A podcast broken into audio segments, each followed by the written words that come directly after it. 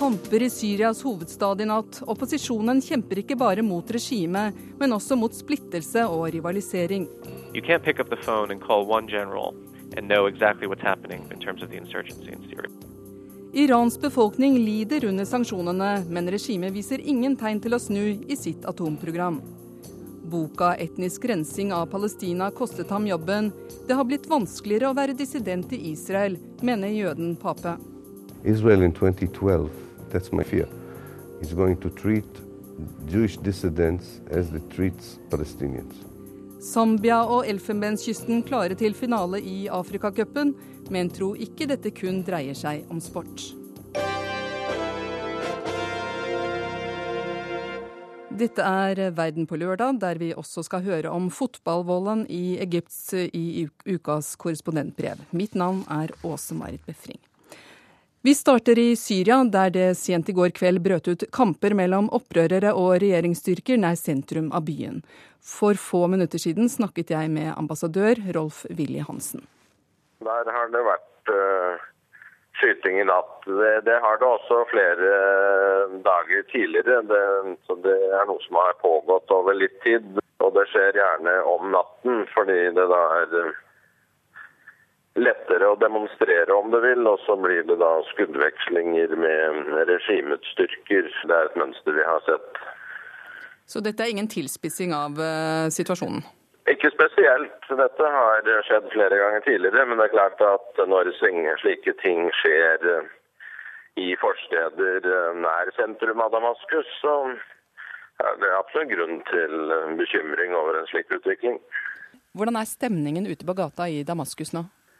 Nei, stemningen er eh, nervøs. Det er det ikke noe tvil om. og Folk er eh, bekymret for det som skjer og opptatt av det som skjer. Og så det er mye mer eh, Det preger stemningen mye mer enn det det gjorde bare for et par måneder siden. Alle lurer på hva som skjer, og alle, alle, alle spør hverandre om du vil, om hvilken vei dette bærer. Ja, Hvor vanskelig er det å få riktig informasjon fra de ulike opposisjonsgruppene i landet? Presis informasjon er jo fullstendig mangelvare her. Alle har sin versjon av hva som skjer, så presis informasjon er det ingen som har. Det finnes ikke noen pålitelige lokale medier, og utenlandske medier har problemer med å operere her. Så, så er det mangel på informasjon, så dermed blir det mye teorier og spekulasjon. Er du selv eh, blitt mer nervøs for din situasjon den siste uka? Ikke spesielt. Vi har ikke vært utsatt for noe, heller ikke truet fra noe hold. Men det er klart at uh, vi blir også preget av utviklingen her. Det mest typiske her er vel egentlig kan du si, det uforutsigbare situasjonen. Det, det, det kan skje uventede ting plutselig. så det, det, er mer det enn at vi føler oss ikke personlig truet uh, her og nå. Men det er mer usikkerhet om fremtiden som dominerer uh, situasjonen sa ambassadør Rolf Willy Hansen i Damaskus da jeg snakket med ham for få minutter siden. Uroen i Syria har pågått i elleve måneder. Et av de største problemene motstanderne av regimet har, er at de ikke klarer å forene kreftene mot Bashar al-Assad. Noen opprørere forbereder seg til kampene de vet snart vil komme. Allahu Akbar! Allahu Akbar! Disse mennene kaller seg for Syrias frigjøringshær, selv om de ikke har militær trening. Men de er væpnet med granater og kalasjnikov og vilje til å kjempe mot Bashar al-Assads regime. Lederen deres, Abdul Rama, påstår at han kontrollerer store deler av byen nord i Syria. This one, this one, this one. His government cannot come. These men are farmers and workers who have taken up arms to defend their property, their families, uh, and their lives against the regime. Disse mennene er bønder og arbeidere som har tatt til våpen for å beskytte eiendommen, familien og livet sitt mot regimet, forteller Michael Wise i tenketanken Henry Jackson Society. De er ikke avhoppere og støtter ikke den frie syriske armé, FSA. FSA er en annen militær paraplyorganisasjon som har blitt utpekt som den som leder opprøret mot Bashar al-Assad. Wise sier det er langt fra sannheten. In actuality, the FSA would be better described as a sort of ongoing media project uh, designed to produce and disseminate information about the uprising and its repression.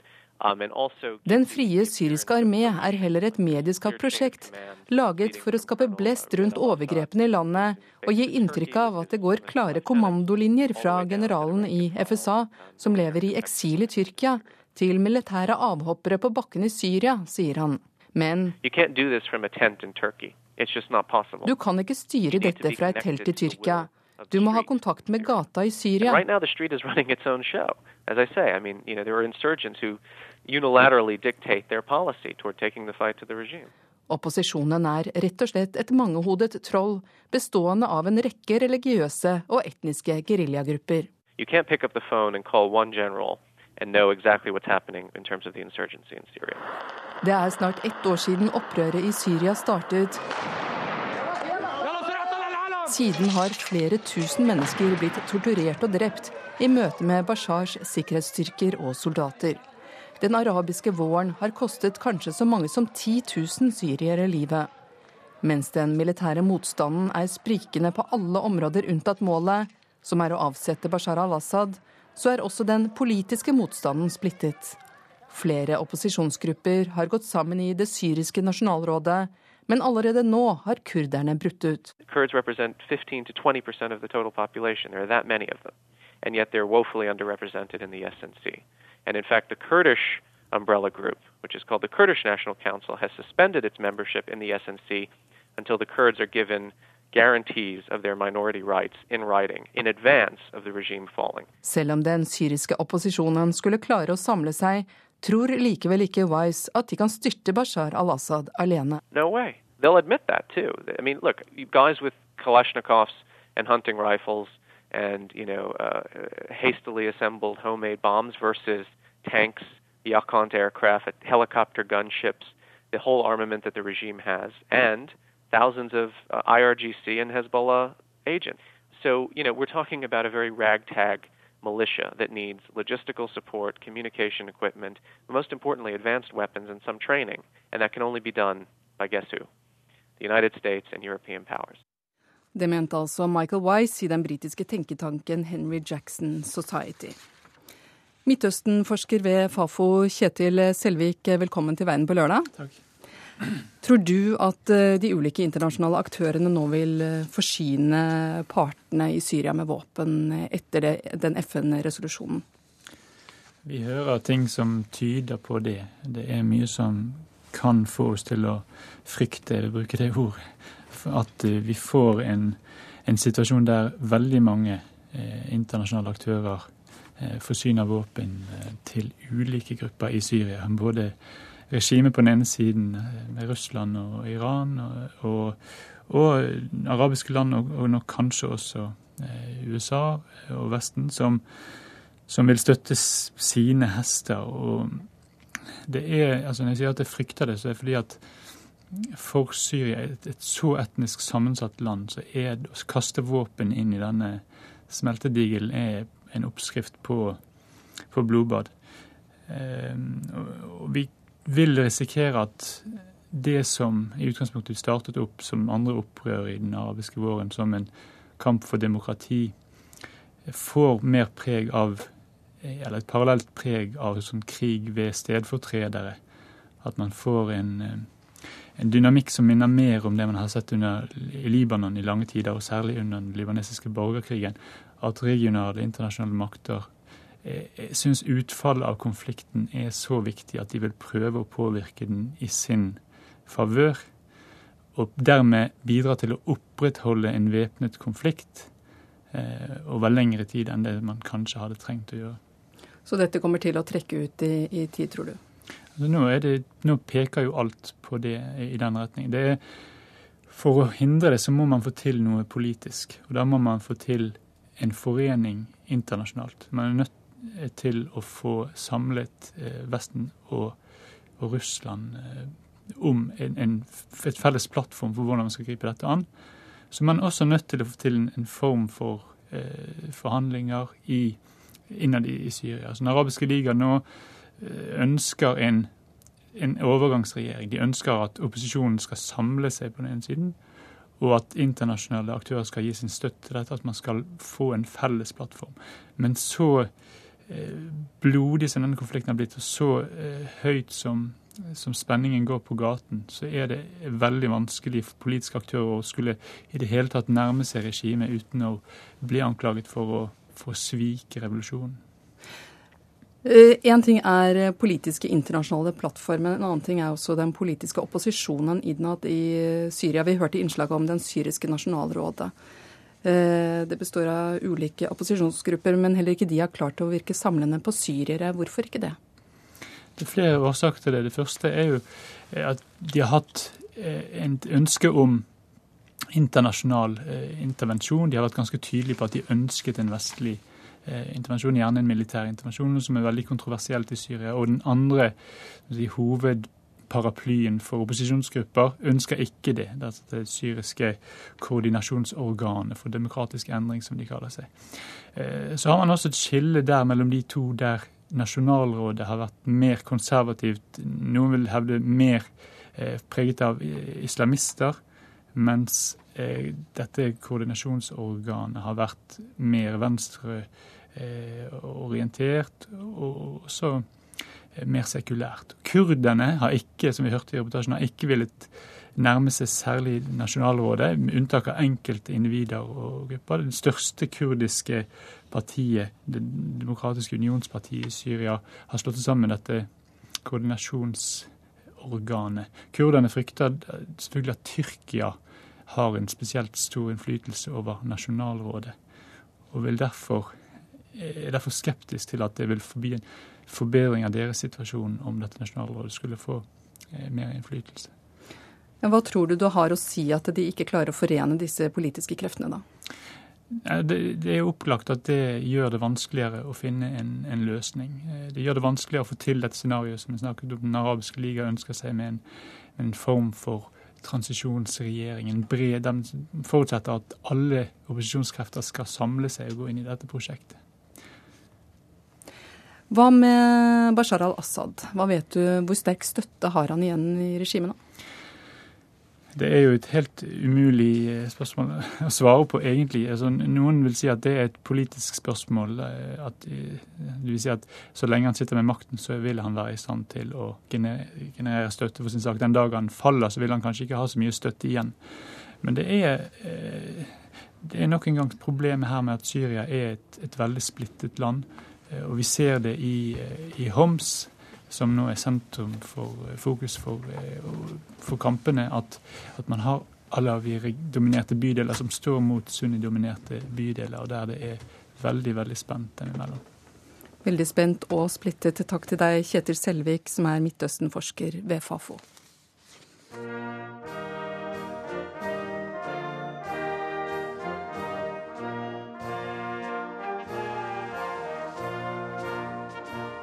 Our preferred solution here is diplomatic. We're going to keep on pushing. The pressure of sanctions is designed to try and make sure that Iran takes seriously our request to come to the table.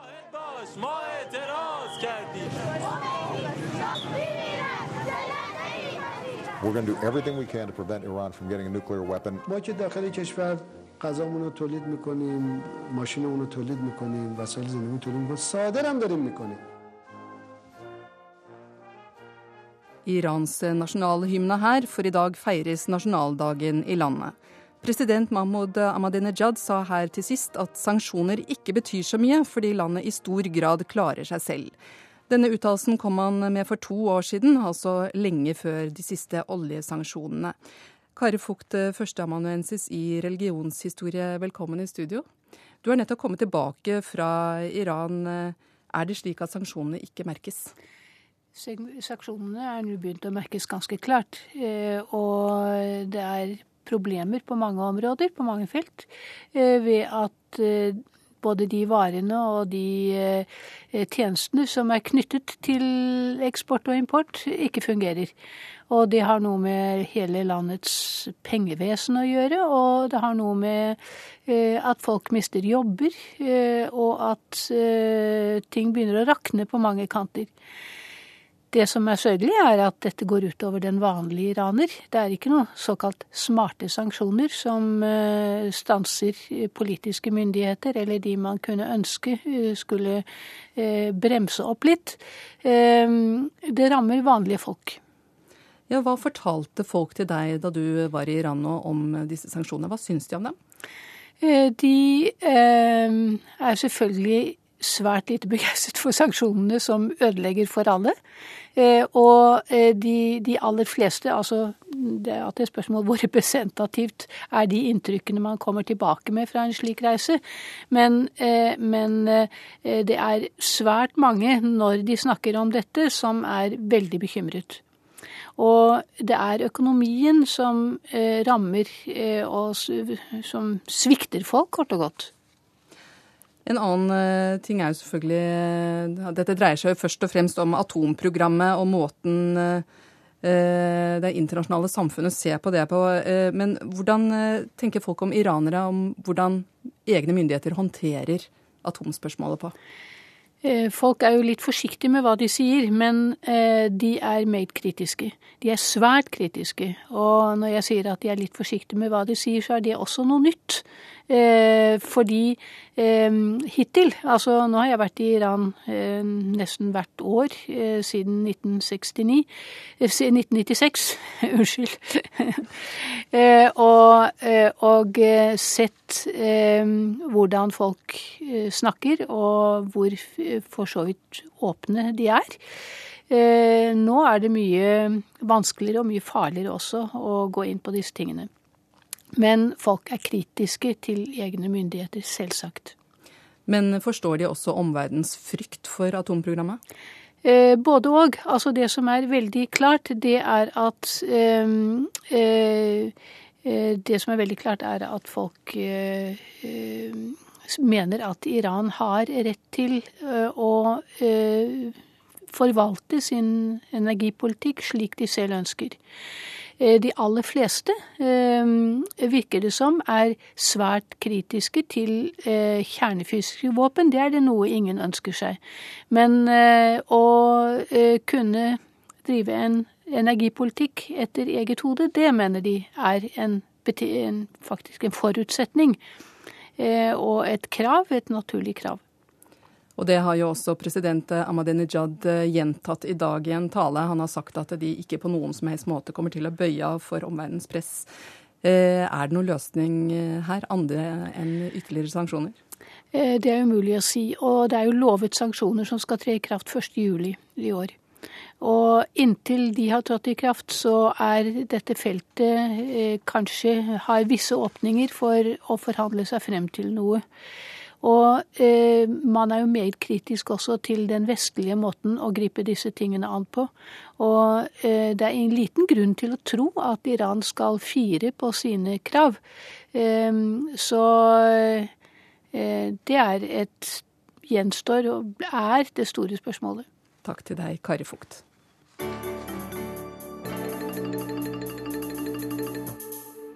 Interessen for å møte afrikanske ledere var stor under Verdens økonomiske forum i Davos for et par uker siden, og den økonomiske eliten snakket om Afrika som fremtidens kontinent. Men selv om en voksende middelklasse har fått hodet over vann i en rekke afrikanske land, blir stadig flere fattige afrikanere hengende etter. Det spas, spikres og støpes. Her i Kenya opplever også hovedstaden Nairobi en byggeboom. Nasjonen med sine nær 40 millioner innbyggere har, i likhet med svært mange andre afrikanske land, fått en voksende middelklasse på jakt etter et bedre liv og større leiligheter. Den nye middelklassen drar opp den økonomiske veksten. og Det slår ut i internasjonal statistikk som et tegn på at nå går det virkelig fremover på det afrikanske kontinentet. Men det er ikke slik i Afrika at når det regner på presten, middelklassen, så drypper det på klokkeren, de fattige, forklarer en av Kenyas fremste økonomer, Ali Khan Sacho. There are two economies today. You have this sort of economy which has helped increase the middle class, and that's what everyone's getting excited about, especially the big global corporates are excited about that. But below that level, you have what I would call those Africans who are living at the bottom. Vi har to økonomier, sier han. Den ene som har løftet frem en middelklasse, og det er den alle er så begeistret for, særlig de store globale selskapene. Men under dette nivået har vi alle afrikanerne som lever på bunnen av pyramiden. De som er strømmet til byene over hele kontinentet, og som opplever en helt annen utvikling. De har fått det stadig verre de siste årene.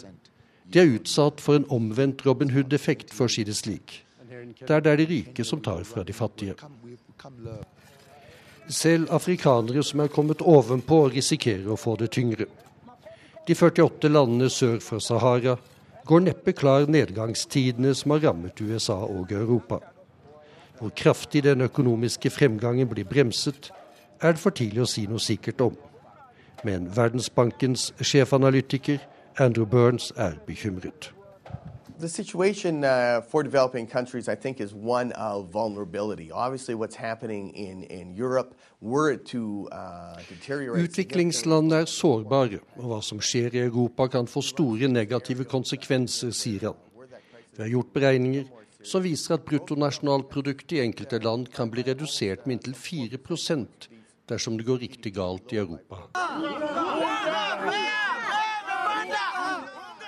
Det er likevel prisene på mat og drivstoff som vil være den største hodepinen i land etter land i Afrika også i år. I Nairobi har det vært en rekke demonstrasjoner i protest mot prisøkningene, særlig på unga, maismelet, som de fleste fattige kenyanere har som sin viktigste ernæring. For millioner som lever på under fattigdomsgrensen på én dollar dagen, svir prisøkningene på mat mer enn noe annet. I Uganda gikk matprisen opp med 50% i fjor. I Etiopia 38% og her i Kenya med 25 Men protesten har ikke vært omfattende.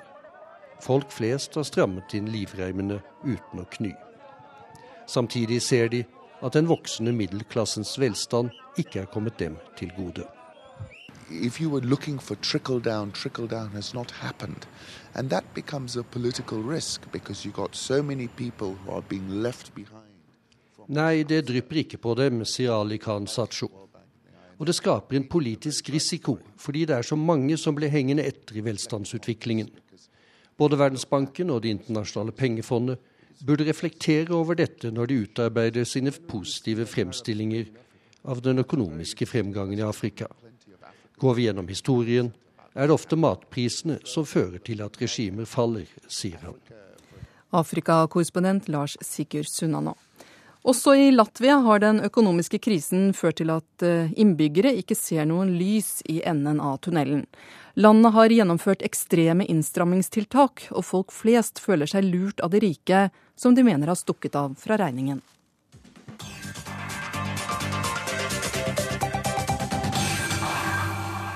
Par.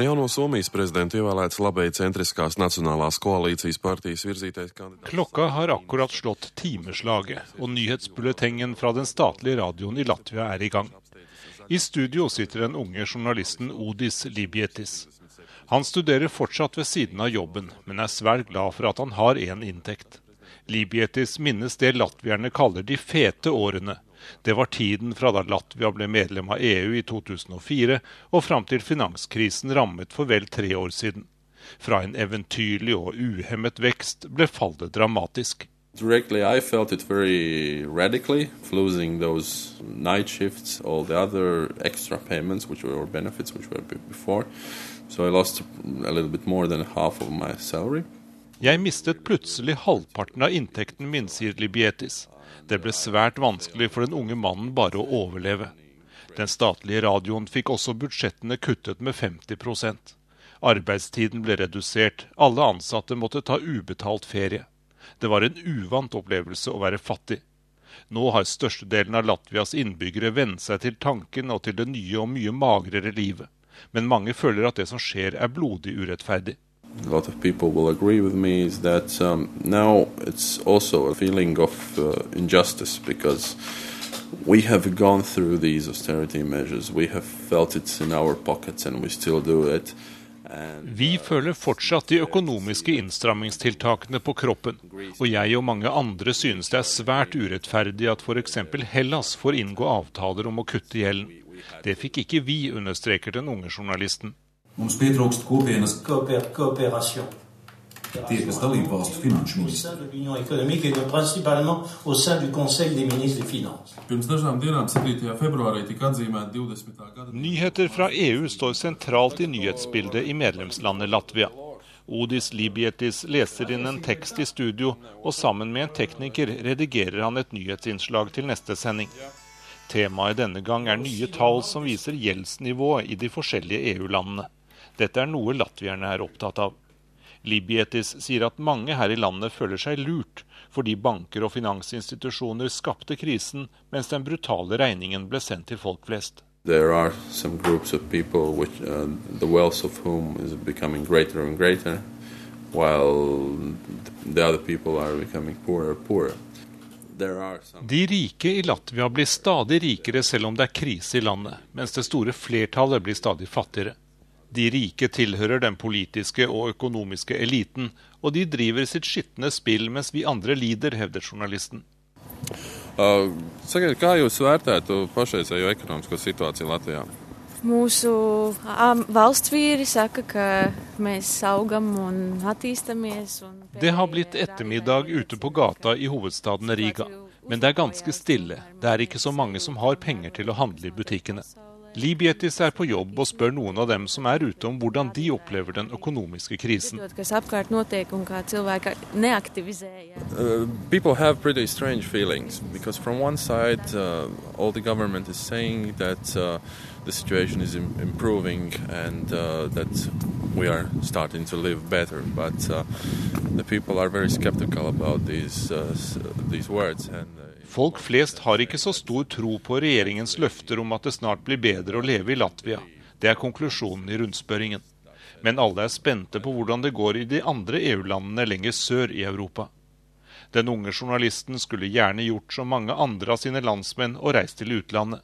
Men det er ikke så lenge siden han giftet seg, og kona vil ikke ta sjansen på å forlate Latvia. Så Odis Libietis blir, selv om han synes at fremtidsutsiktene er dystre. I see no, no light at the end of the tunnel. Og reporter i Latvia var Jan Espen Kruse. Verden på lørdag fortsetter i Argentina, der presset mot Storbritannia i konflikten om Falklandsøyene øker. Den argentinske regjeringen har fått store deler av Latin-Amerika med på en handelsboikott av Falkland, samtidig, samtidig som landet ber FN fordømme Storbritannias økte militære nærvær på øyene. Vår reporter Arnt Stefansen er i Buenos Aires og har sendt oss denne reportasjen.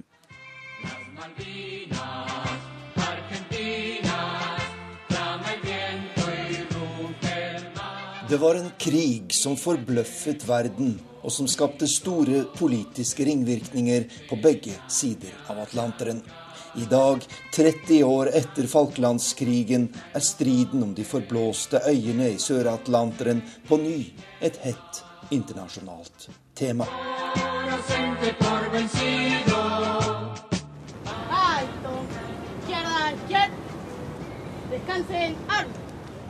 Det er vaktskifte ved minnesmerket over de argentinske soldatene som mistet livet i Falklandskrigen.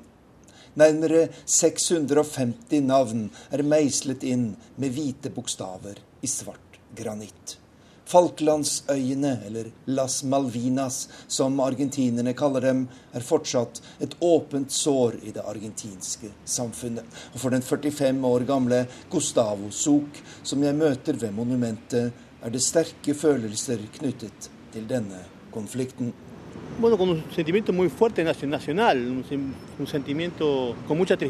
Bueno. Jeg opplever en sterk nasjonalfølelse og en dyp sorg ved å være her. Jeg tenker på alle de unge som mistet livet i en meningsløs krig, men for en rettferdig sak. Det var riktignok en militærjunta som invaderte Malvinasøyene, og deres motiv var å beholde makten. Men for vanlige argentinere handler ikke dette om generalene. Det handler om en tragisk krig, om store menneskelige tap og lidelser, og om et krav som vi alle støtter. Malvinasøyene tilhører Argentina, og dette må vi kjempe for, sier han.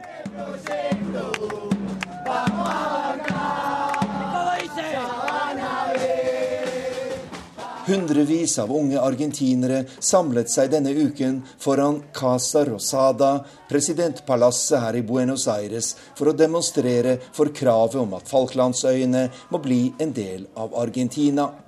Inne i palasset hadde Argentinas president Christina Kirchner trommet sammen en gruppe krigsveteraner og landets elite for å gi sitt bidrag til ordkrigen om Falkland.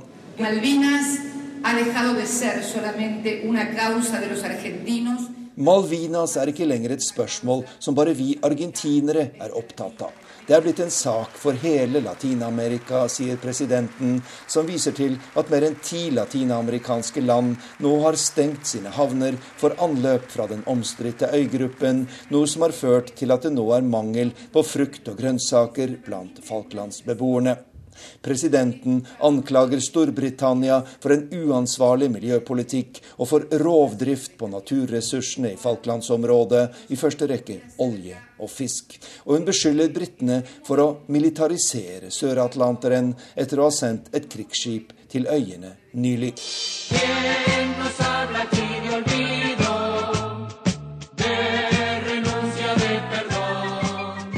På Maiplassen her i Buenos Aires, like ved presidentens palass, har en gruppe veteraner fra Falklandskrigen drevet en protestleir de siste fire årene.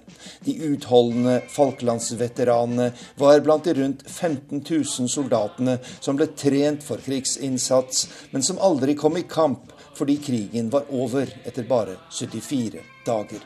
Dermed ble de sendt hjem og overlatt til seg selv uten noen form for anerkjennelse eller kompensasjon. Eh, Dette ødela livet for svært mange av oss. Militærregimet misbrukte oss og kastet oss i søpla da de ikke lenger hadde bruk for oss, sier veteranenes talsmann Eduardo Ochoa. Vi er krigens glemte ofre, og derfor kjemper vi fortsatt vår kamp for rettferdighet, sier han. Protestleiren er blitt et kjent symbol på Falklandskonflikten, og de aller fleste argentinere støtter veteranenes paroler, som er skrevet på store transparenter. Malvinas er argentinsk og skal alltid være argentinsk, og det blod som er utgitt, må aldri forhandles bort. Men veteranene ønsker ingen ny krig Falklandsøyene. I krig er det bare tapere. Unge mennesker dør på en meningsløs måte, og jeg håper at våre myndigheter aldri gir seg inn på et nytt militært eventyr om Malvinas, slik vi opplevde for 30 år siden, sier veteranen på Maiplassen her i Buenos Aires.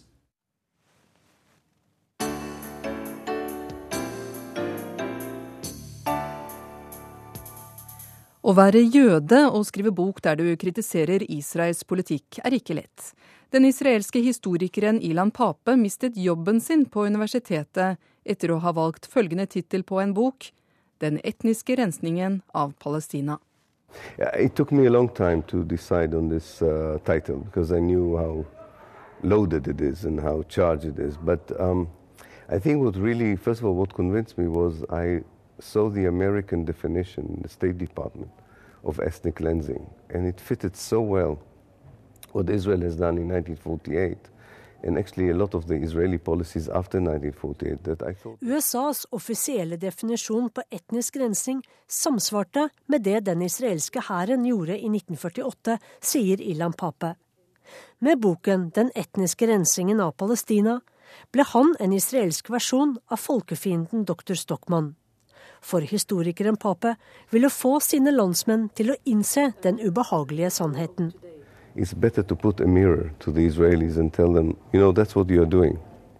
Israels nye historikere avviser propagandaversjonen av historien, at et folk uten land kom til et land uten folk.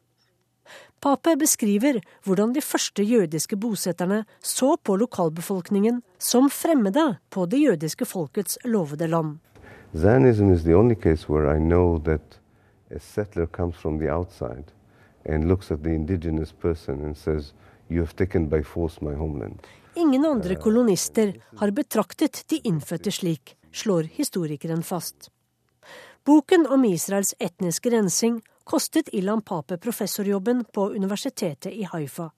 En høy pris å betale, men price, uh, so. Besteforeldrene og foreldrene hans ble født i Tyskland og reddet seg fra gasskamrene ved å rømme til de jødiske koloniene i Palestina. Pape har åpnet arkivene og vist til hvilken pris landet hans ble til. It's the only success I have in Israel is that people are talking about ethnic cleansing. Nobody denies it anymore. That Israel was based on the expulsion of the Palestinians, you know. Ingen bestrider lenger at etnisk rensning fant sted for at Israel skulle bli til. Men likevel er det fremdeles forbudt å trykke dette i israelske skolebøker, sier Pappe underfundig. Reaksjonene er han ikke like fornøyd med. I'm not very happy with the way that they responded to this by saying, okay, we had to do it. That was the right thing. I hope that they would say, oh my God, we were wrong. and we should think of what we have done three years after the Holocaust. Jeg håper at israelerne etter hvert tar inn over seg hva vi gjorde mot palestinerne bare tre år etter holocaust. Ilan Pape er antisionist og foretrekker én stat for begge folk fremfor en tostatsløsning for to folk. Akademikeren tror ikke at Israel, som er en stat forbeholdt jøder, og en stat som ikke bygger på likhetsprinsippet, kan overleve i lengden. Ilan Pape ser seg som dissident og roser Israel for å behandle sine dissidenter meget godt til nå. Israel in 2012, that's my feeling, my fear, is going to treat Jewish dissidents as they treat Palestinians. And that means that you have no basic rights, no civil rights, no human rights. For med regjeringen Netanyahus jakt på venstresidens aktivister frykter han fremtiden. It is scary. It is scary. Reporter var Sissel Wold. Denne uka var fornyingsminister Rigmor Aasrud i India og snakket om Telenor.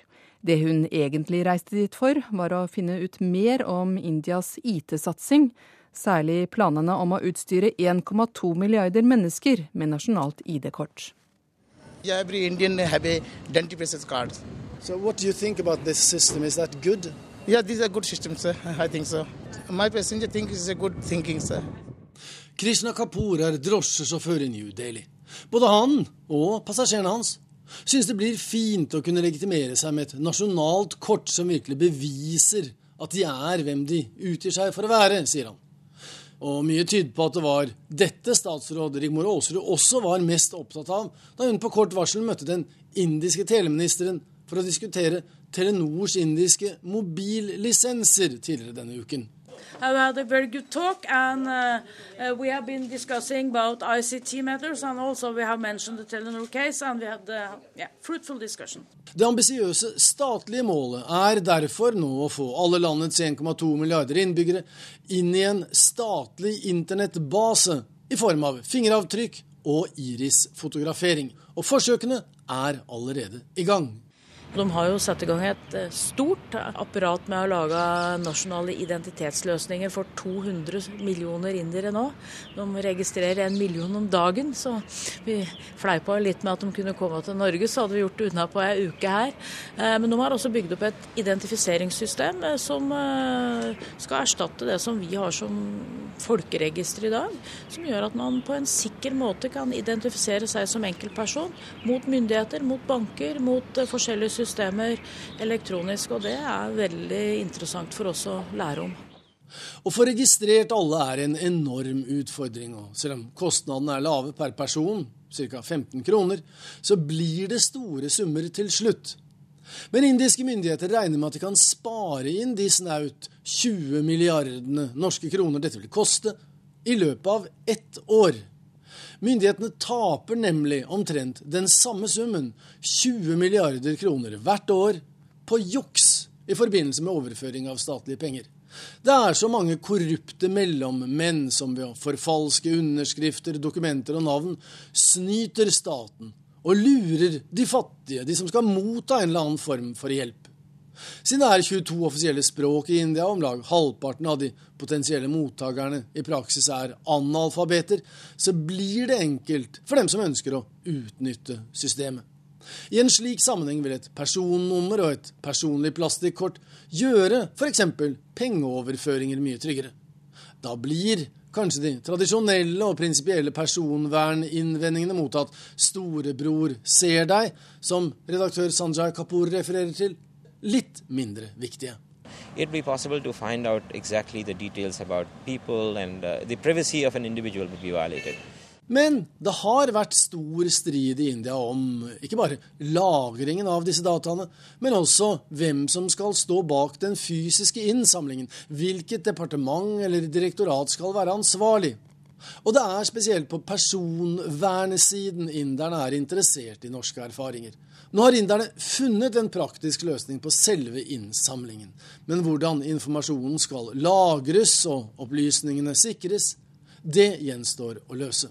Noen sivile organisasjoner har nemlig protestert, og en komité i parlamentet har frarådt hele programmet. Så det er ennå ikke sikkert at dette UIDAI, altså unik identifikasjonsautoritet i India, blir godkjent i parlamentet, sier redaktør Kapoor. So it is not still a very easy passage. I'm sure it will run into more challenges before India gets uh, all its people get their identity card number. For en besøkende minister fra et lite land som er langt fremme på dette felt, er det evnen og viljen til nytenkning samt dimensjonen over den indiske planen og satsingen som imponerer. Du ble jo helt slått av de altså 1,2 milliarder mennesker som skal ha tjenester. Hvordan man klarer å bygge ut tjenester, hvordan man tar hele landet med på de eh, nye løsningene som man eh, jobber med, det er jo imponerende. Reporter i India var Joar Hoel Larsen.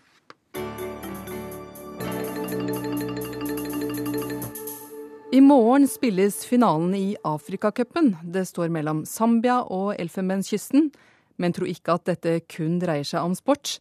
Det er politikk, penger, prestisje, kamp mot fattigdom og, som Tom Christiansen forteller, dramatikk.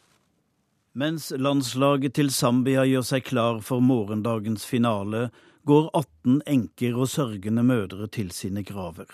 Der skal de stå og tenke over det som skjedde for 19 år siden. Et fly på vei til en kvalifiseringskamp til VM hadde mellomlandet i Gabon på vei til Dakar. Da de tok av igjen, falt flyet ned i havet. 30 mennesker omkom, blant dem hele det zambiske landslaget i fotball, 18 mann. Og det skjedde altså i det landet der morgendagens finale spilles, i Gabon. De zambiske enkene vil minnes de døde som om dette ikke hadde hendt, i dag ville vært fotballveteraner.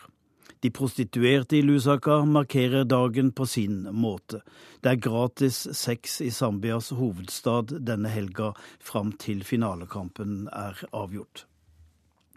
Fotballen i Afrika den følger sorg og tragedie, gleder og framgang, håp og muligheter. Jeg så det selv 10. april 1994 Nelson Mandela var nettopp blitt innsatt som president i Sør-Afrika. Apartheid var lagt i grus. Og det første han gjorde etter seremonien, var å gå på fotballkamp. Det var endog landskamp. Ja, det var landskamp mot Zambia. Det var den tida fotball var for svarte i Sør-Afrika, rugby for hvite. Nye regler kom til, det måtte være flere hudfarger, og noen lettrente hvite legger fikk etter hvert prøve seg. Afrikansk toppfotball spilles helst i Europa. Det er Europa som er drømmen og målet som kan løfte fattig ungdom over til stjernene. Det er i Afrika oppkjøperne finner talentene. De studerer ungdomsfotballen, de går på trening i Nigeria, i Senegal, i Zimbabwe. Så hentes de hjem og lærer seg etter hvert tysk og svensk og norsk og finsk.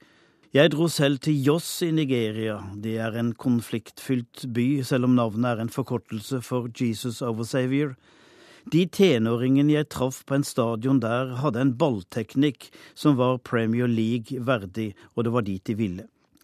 De skulle gjerne blitt spillere i Norge også, ja, som et mellomspill, nærmest og selvfølgelig. De visste godt om Norge. Klubbkameraten deres, Obi Miquel, hadde dratt til Lyn i 2005. De ville komme etter, sa de, og studerte bilen Obi Mikkels far kjørte rundt i, en fet Mercedes. Fotballstjernen hadde sendt penger hjem. Da fotball-VM kom til Roma i 1990, hadde Kamerun kvalifisert seg. Kapteinen var en snart 40 år gammel spiller, Roger Milla. Roger med stort mellomrom mellom fortennene og med et raskt bein når det trengtes. Han danset seg framover og skåret Kamerun fram til kvartfinalen. Dit hadde aldri noe afrikansk lag nådd. De tapte mot England etter ekstraomganger. Etter hvert mål gikk han til sidelinja og danset for publikum. Han var et sjarmtroll, han trollbandt en TV-tittende verden. Han fikk sin lønn da han kom hjem. Roger Milla ble sportsminister i Kamerun. Mandelas drøm var å se verdensmesterskapet i fotball lagt til Sør-Afrika. Det skulle avgjøres av Fifa i Lausanne ved Genéve, og hvert av søkerlandene hadde fått 40 minutter til å presentere seg. Søkerne viste fram plansjer av stadioner, mange hadde endog tatt med en minister. Så kom den sørafrikanske delegasjonen. De ble fort ferdig med skryteanleggene. Deretter kom president Thabo Mbeki, som anbefalte Sør-Afrika. Deretter kom eks-president og fredsprisvinner F.W. de Klerk og sa at dette var den store forsoning. Deretter, i fargerik tunika og med et svært kors på bringa, fredsprisvinner nummer to Desmond Tutu. Velkommen til Guds regnbuenasjon, and by the way, jeg har holdt av noen billetter til himmelen for dere som stemmer på oss. Han forsvant til høylytt latter, og så kom selveste ikonet, Nelson Madiba Mandela. Det var nesten så de falt av stolene, og budskapet hans gikk rett hjem. Takk for at dere sto sammen med oss i kampen mot apartheid i Sør-Afrika. Sportsboikotten virket, det ser vi nå. Men hvor skal vi feire den seieren? Jeg tror det må bli i Sør-Afrika. Og så var det tid for de kritiske spørsmål, og de besto av en beskjeden hånd fra en representant fra et sted i Stillehavet. Mr. President, kan jeg få en autograf? Finale i Afrikacupen i morgen, altså. Et lag som ikke klarte å kvalifisere seg til cupen, var Egypt. Ukas eh, korrespondentbrev er fra Sigurd Falkenberg Mikkelsen i Kairo og handler om fotball på liv og død. Jeg gikk rundt i mitt nabolag Zemalek i Kairo. Det var kveld, og som med vanlig Kairo var alle butikker åpne. Slakteren, fiskehandleren, supermarkedet, grønnsakhandleren, blomsterhandleren, de som syr i knapper og stopper hull, de som selger verktøy, og de som selger kopper og kar. Det var likevel stille, få mennesker i gatene, færre biler enn vanlig, og alle som arbeidet, fiskehandleren, syerne, parkeringsvaktene, slakteren, de var egentlig ikke til stede. Enten sto de og så på en fjernsynsskjerm, eller så satt de og hørte på radioen. Noen parkeringsvakter hadde til og med satt ut en TV i gaten og fulgte med der. Dette skjedde tidligere i høst. Det var landskamp i fotball. En privatkamp, men Egypt spilte mot Brasil. Slik var det også forrige onsdag. Interessen var ikke like stor som for Brasil-kampen, men da jeg kjørte gjennom Semalek, sto kaféeiere så vel som gjester med blikket rettet mot TV-skjermen. Det var serierunde med mange storkamper på plakaten. Selv tenkte jeg ikke så mye på det akkurat da. Jeg var opptatt av Syria og den pågående debatten i FN om en ny resolusjon som Den arabiske liga ønsket å få gjennom. Hele lederskapet hadde dratt fra Kairo til New York for å samle støtte, og jeg var på vei til kontoret for å delta i Dagsrevyen. Jeg trodde det kom til å bli vanskelig å få gjennom en resolusjon, og lyttet ikke så godt da Sami, min sjåfør, sa at det var noe trøbbel i Port Said etter en fotballkamp. I Midtøsten, som de fleste andre steder her i verden, er ikke ting alltid hva de synes å være. Så også med egyptisk fotball. Da jeg kom til Egypt i august i fjor, visste jeg at det var to storlag, Al-Ahli og Semalek.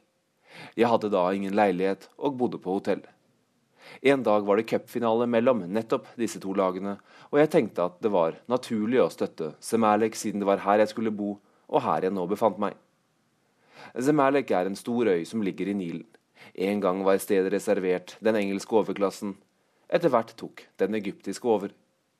I dag er strøket fortsatt snobbete, men på Kairo-måten. Strøket er forfallent og preget av den vanvittige byutviklingen i den egyptiske hovedstaden. Her står allerede slitte betongblokker fra 1970-tallet vegg i vegg med palass fra kolonitiden. Akkurat som man kan se roere fra roklubben i morgentimene ved siden av fiskerne som drar opp et par småfisk fra den forurensede Nilen. Og om kvelden kommer de støyende festbåtene med egyptisk pop på høyttalere med skarp diskant. Nå, jeg diskuterte fotball med servitørene på hotellrestauranten, og de ristet raskt på hodet. Nei, det går absolutt ikke an å støtte Zamalek. Det er Al-Ali som er klubben, sa en av dem. Og da jeg prøvde meg på stedstilhørighetsargumentet, ristet han på hodet igjen og sa at Zemalek ikke hørte til på Zemalek.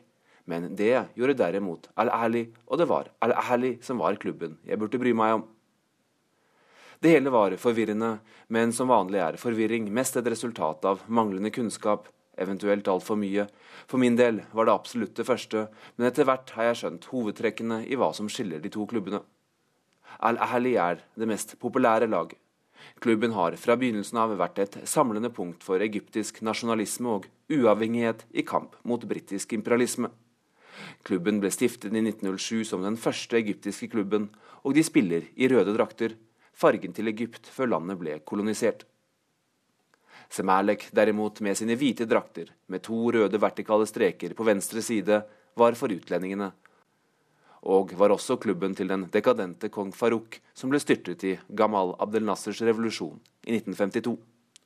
I dag har den rykte på seg for å være en klubb for outsidere, og også for noen intellektuelle og kunstnere, i tillegg til sine supportergjenger fra fattige strøk, som alle klubbene har.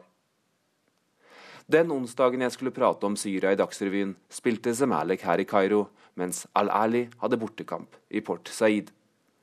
Begge lagene har noen av verdens mest dedikerte supportergrupper, som allerede under Mubarak-regimet slåss jevnlig med politiet, når de da ikke slåss med hverandre. Og da oppstanden mot Hosni Mubarak begynte, sto de i første linje. De kunne slåss. De visste hvordan man skulle hive tilbake en tåregassgranat, hvordan politiet opererte og viktigst av alt, de var ikke redde. Det var fotballsupporterne som lærte de revolusjonære kunsten å drive gatekamper, og det skulle de komme til å betale en høy pris for. I hvert fall er det det de selv mener, og indisiene er på deres side. For det som Sami, min sjåfør, hadde fått nyss om, var langt mer enn litt problemer etter en fotballkamp. Det var en tragedie. Ja, en massakre. Rett etter kampslutt stormet hjemmelagets tilhengere banen og jaget bortelagets stjernespillere og fans. Spillerne søkte tilflukt i garderoben. Tilhengerne hadde ingen steder å rømme. Utgangen bak dem var stengt. Jeg kom til fotballstadion i Port Said dagen etter. Det var blod i trappa, og nederst lå en tung jernport med hengslene på. Porten var revet av betongveggene i trykket og panikken. Men da var det for sent for de som sto innerst. De var trampet i hjel, tråkket i hjel, knust. Rundt porten lå skoene deres, joggesko for det meste, og noen ødelagte brilleinnfatninger. Jeg har sett sko som dette, tilfeldig etterlatt i ruiner. Det er alltid skoene som ligger igjen, men da som resultat av bombing, det være seg i Bagdad eller Beirut. Aldri på en fotballbane. Men det var ikke bare der folk ble drept. De ble også drept oppe på tribunen. Helt øverst var det et sete tildekket av blod, og de overlevende fortalte at mange ble kastet ned fra tribunen. En gutt jeg traff oppløst i tårer og trøtthet den samme morgen, hadde sett en 13-årig kamerat bli spiddet av en stolpe. Den hadde gått inn i øyet og ut bakhodet. Andre har fortalt om bestialske knivdrap. Det var en brutalitet de aldri hadde sett før, aldri vært i nærheten av, for selv om det ofte har vært slåssing og massehysteri, har det vært ytterst sjelden med dødsfall knyttet til egyptisk fotball. Og de gangene det har skjedd, har det vært under helt spesielle omstendigheter.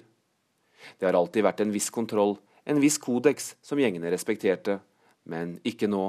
Og dette kombinert med at lyset på banen ble slått av etter fem minutter, at de ikke fikk legehjelp, at politiet bare sto og så på, at portene altså var stengt, har gjort at al-Ahli-tilhengerne er overbevist om at dette var en hevnaksjon for deres deltakelse i revolusjonen. En av hjemmelagets tilhengere fortalte meg til og med at politiet hadde åpnet portene for dem og oppfordret dem til å angripe. Men om det var for å vaske sine egne hender for det som siden fulgte, vet jeg ikke. I Egypt er det alltid vanskelig å vite hva som er inkompetanse, og hva som er planlagt fra sikkerhetsstyrkene og politiets side. Men sikkert er det at høsten og vinteren har vært voldelig. Først ble de hovedsakelig kristne demonstrantene angrepet i oktober utenfor TV-bygget Maspero. Dernest brøt opptøyer ut i november og desember, og nå dette. Minst 74 mennesker drept på en fotballbane i Port Said, etterfulgt av daglige trefninger utenfor innenriksministeriet i Kairo, også der med flere dødsfall.